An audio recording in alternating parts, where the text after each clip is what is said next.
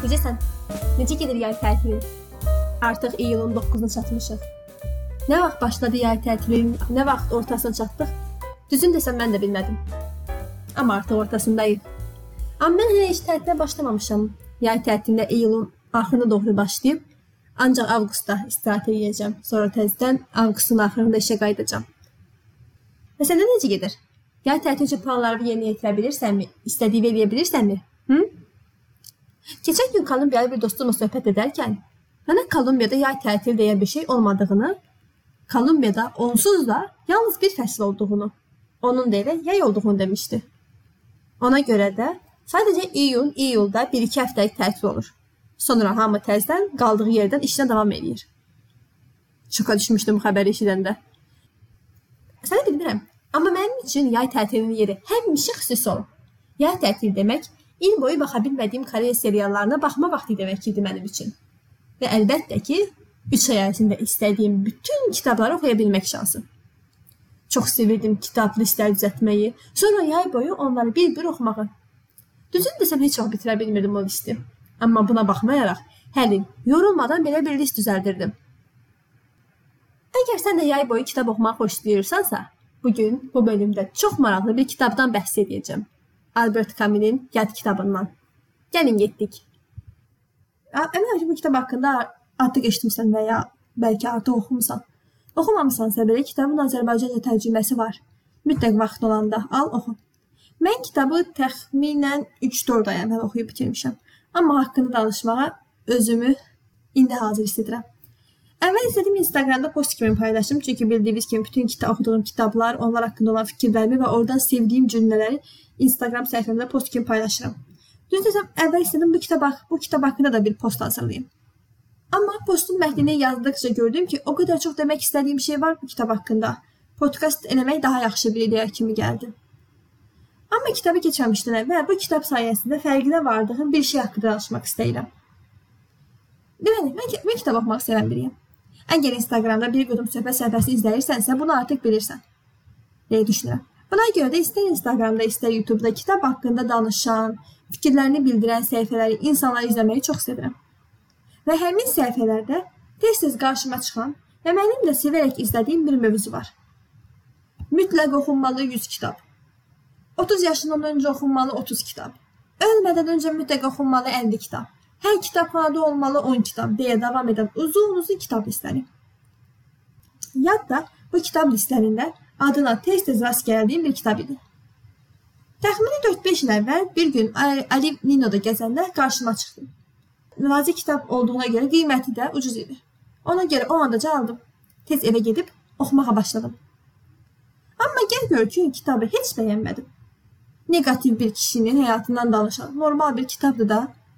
Niyə bu qədər şişirdilər ki? deyərək kitabı qaldırdım rəfə. Və kitab listində də bu kitaba bir quş qoydum. Həm də aşağı bir bal verərək. Amma illər sonra necəsə bu kitab yenidən qarşıma çıxdı. Mən də fransızca oxuma qabiliyyətim artsın deyə dedim hazır əlimdəykən gəl oxuyum bir dəfə də. Və xoş gəldiniz aydınlanma mərasiminə. Kitabı ikinci dəfə oxuyarkən o qədər xoşuma gəldi ki, hər cümləsinin altından xətt çəkərək, hər cümləsində düşünərək, başa düşərək, o qədər sevərək oxumuşdum ki, belə adam olar, dediyim adamla nə qədər ortaq nöqtəm olduğunu, belə iş olar, dediyim işləri tam başa düşdüyümü gördüm. Və tam o anda bir şey mənə çox aydın oldu. Bəzən bəzi şeyləri sırf elədim demək üçün edirik və qaldırıb rəfə qoyuruq. Onların üstü toz bağlayır, kir tutur, Biz isə daim yenilərinin ardınca qaçırıq. Heç arxamıza baxmadan, o rəfləri təmizləmədən, içindəkilərə yenidən göz gəzdirmədən. O kitab bitdi, indi hansı kitab alım? O ölkəyə getdim, indi hansı ölkəyə gedim? İndi hansı dil öyrənim? deyə daim qabağa gedirik. Geridəkilər nə haldadır deyə heç düşünmürük. Ancaq kəmiyyətə köklənib, keyfiyyət haqqında fikirləşmirik heç. Sonradan bir gün bu qaça-qaçdan yorulub dayananda Əlimizdə sadəcə rəqəmlər, siyahılar və həmin siyahlara qoyulmuş quşlar olduğunu görürük. Mən də illərdir belə elədiyimin fərqinə vardım. Çoxlu listlər düzəldirdim. Pul toplayırdım. O pulla kitablar alırdım. Bir neçə gün o kitabları bitirib sonra təzədən listə başqa kitab seçirdim. Yenə pul toplayırdım, yenə gedib bu kitabı aldım və bu şəkildə illərlə davam edən bir dövrə, Amma günün sonunda kitabxanamdan bir kitab götürüb haqqında danışaq desən, iki cümlə arda-arda düzə bilmərəm. Hətta yadımdadır. Bir gün atam kitabxanamdan Paulo Coelho'nun İnşallah adını Azərbaycanca düz oxuyuram. Paulo Coelho'nun Kimyager kitabını götürüb oxumuşdu. Bitirdikdən sonra məndən kitabdan nə başa düşdüyümü soruşmuşdum. Mən də kitabı yalnız bir-iki ay əvvəl oxuduğuma baxmayaraq təmiz unutmuşdum. Söhbət nə idi, nə haqqında danışırdı, heç yadımda değildi. Ona görə heç bir cavab verə bilməmişdim. Ona görə həyatı yalnız üzərinə xətt çəkmək üçün, yanına quşumu qoymaq üçün, başqalarının yanında "Hə, mən də o kitab oxumuşam. Hə, mən də o ölkədə olmuşam" demək üçün deyil də, həqiqətən başa düşdüyün üçün, maraqlı gəldiyi üçün, istədiyin üçün yaşa. Onda əmin ol ki, hər şey daha da gözəlləşəcək. Hər şey daha da yadda qalan, daha maraqlı olacaq. Və bəzən geri dönüb əvvəl getdiyin yerlərə getmək və ya əvvəl oxuduğun kitabları yenidən oxumaq düşündüyündən daha çox şey qata bilər sənə. O kitabı oxumuşdum və bəyənməmişdim. Bir daha niyə oxuyum ki deyə düşünmə. Çünki kitab eyni ola bilər, amma sən eyni deyilsən. Hər gün, hər il dəyişirsən. Həyata baxışın, bildiklərin, hisslərin dəyişir. Və bu zaman geriyə dönüb oxuduğun kitabları yenidən oxuyanda nə qədər böyüdüyünü, genişləndiyini özün görürsən. Və düzünü desəm, mən bu hissi çox sevdim. İllər ərzində böyüdüyümü görmək, həyata yeni, daha geniş bir pəncərədən baxdığımı görmək məni çox sevindirdi. Ona görə də gələn dəfə kitab almamışdan öncə bir dayan. Və bu kitabı nəyə görə aldığımı düşün. Dediklərimi düşün. Bəlkə fikrin dəyişər. Bəlkə bu dəfə rəflərə təzə bir şey qoymaq yerinə o rəfləri təmizləməyi, onları sədaqəyə salmaq seçərsən. İndi isə gəlin keçək podkastın əsas mövzusu olan kitaba. Başdan deyim ki, kitab çox filosofik bir kitabdır. 1942-ci ildə 2-ci Dünya müharibəsinin qızğın bir vaxtında yazılıb və o dövrə aid bir çox ipucular verir. O dövrün sistemini, edam cəzasını, polisləri haqqında yazarın düşüncələrini açıq-aydın göstərir. Amma mən burada bunlar haqqında danışmayacağam. Kitaba daha çox məndə nə hiss elətdirdi, nələr düşündürdü nöqtəsindən baxacağam. Yəni kitab haqqında danışmağa kitabın adından başlayaq. Yad. İlk bu sözü oxuyanda bəlkə sizin də ağlınıza mənim kimi xarici biri gələ bilər. Ki, zaten kitabdakı baş rolumuz da yaddır, xaricidir. Yəni özü bir fransız olmağına baxmayaraq Əlcəzairdə yaşayır. Amma kitabı oxuduqca başa düşürəm ki, bu yadlıq yerə görə, dilə görə, dinə görə olan bir yadlıq deyil. Bu insanın özünə olan yadlığıdır. Özünə, anasına, sevgilisinə, dostluğuna, yaşadığı həyata olan yadlığıdır. Kitabdakı baş rol nə istədiyini, nəyi nəyə görə elədiyini heç bilmir. Bilməmək bir qırağa. Heç sorğulamır belə. Misal, sevgisi deyir mənimlə evlənərsən? Deyir istəyirsən evlənək. Və ya qonşusu soruşur, mənimlə dost olarsan? Deyir istəyirsənsə olaq. Adam o qədər öz həyatına yatdır ki, kitabı oxuyanda bəzən əsəbləşirsən.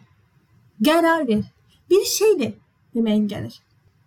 Amma sonra durub öz-özündən soruşanda ki, Bəs sən özünü sorğulayırsanmı?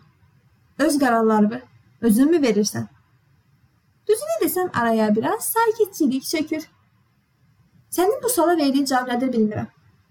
Amma mən özümü tez-tez o situasiyalarda tapıram. Harda ki, tək cavabım mənə fərq eləmir. Necə istəyirsən evə olsun. Odur. Hansı restorana gedək? Fərqi yoxdur. Hara istəyirsən olsun. Hansı ölkədə magistrləmək istəyirsən? Hmm, fərqi yoxdur. Hansı ölkə olur olsun. Bəs axşama nə yemək istəyirsən? Bilməm, nə olsa yeyərəm. Əvvəllər bunun çox yaxşı bir xasiyyət olduğunu düşünürdüm. Deyirdim ki, ay, yaxşı belə rahat adamam. Heç bir şeyi problem etmirəm. Hər şeyə çox rahat alışıram, adaptə oluram. Lakin illər keçdikcə bir şeyin fərqinə vardım. Ətrafımdakı adamlar məndən fikrimi soruşanda o qədər mənə fərqi yoxdur demişəm ki, adamlar artıq mənim fikrimi heç soruşmur. Mənim düşüncələrim Artıq onlar üçün maraqsızdır. Çünki günün sonunda mənim heç düşüncəm də yoxdur. Buna görə də onlar yavaş-yavaş mənim yerimə qərar verməyə başlayırlar. Bunu başa düşəndə elə də problem eləmirdim. Tam tərsi. Başım rahatdır. Seçim eləməli deyiləm deyə sevinirdim. Amma illər keçdikcə həyatımın sükanının məndə olmadığını gördüm. Artıq mənim həyatım mənim deyildi. Mən öz həyatıma, öz yaşadıqlarıma yad edim. Həyatımda baş verənləri mən seçmirdim. Mən istəmirdim. Yoxsa istəyirdim. Bilmirəm. O qədər yadlaşmışdım ki özümə. Həyatımın hansı hissəsinin özümün olduğunu, hansınısa Başqalarının seçdiyini ayıra bilmirdim. Geyindiyim paltarları anam, getdiyim yerlərin dostlarım, oxuduğum kitabları influencerlar, oxuduğum fakültədən topladığım bal seçirdi. Və ya mən seçməklərini istəyirdim. Bilmirəm. Amma tək bildiyim, illər keçdikcə mən artıq başqalarının mənim yerimə qərar verməyindən yorulmuşdum. Artıq öz həyat yolumu özüm getmək istəyirdim. Sükanı əlimə almaq istəyirdim. Bunun yaxşı bir xasiyyət olmadığını, tam tərsi çox problemli bir şey olduğunu başa düşmək, düzün desəm mənim üçün çox çətin oldu. Çünki başqaları tərəfindən idarə edilmək çox asan idi. Qərarlarımı başqaları verdiyi müddətcə mən baş sındırmalı, heç nəyi düşünməli deyildim. Sadəcə həyatın mənə gətirdiklərini bir-bir, heç bir sorğu-sual etmədən qəbul etməli idim. Buna o qədər alışmışdım ki, başqa bir versiya ola biləcəyi ağlım ucundan belə keçmirdi. Amma illər ərzində öz üzərimdə işləyərək, psixoloqa gedərək, yavaş-yavaş həyatımın baş rolu olmağa qərarı verdim. Artıq çalışıram ki, həyatımdakı seçimləri özüm edim. Hər addımın niyyəsini özüm bilim və özüm istədiyim üçün edim. Bu kitabdakı baş rol kimi həyata yadlaşmayın. Bəlkə də illər əvvəl bu kitabı oxuyanda xoşuma gəlməmişdi. Çünki orada yazılanlar, baş rolun həyata olan vecsizliyi mənə heç bir şey məna eləmirdi. Çünki özüm də eynən elə idim. Eynən onun kimi. Hamıya necə istəyirsənsə, fərq eləməz, deyə-deyə keçirirdim günlərimi. Və onun elədiyi də mənə olduqca normal gəlmişdi və kitabda heç bir qeyri-adilik görə bilməmişdim. E, normal, pessimist bir adamın kitabıdır, deyərək fikirləşmişdim.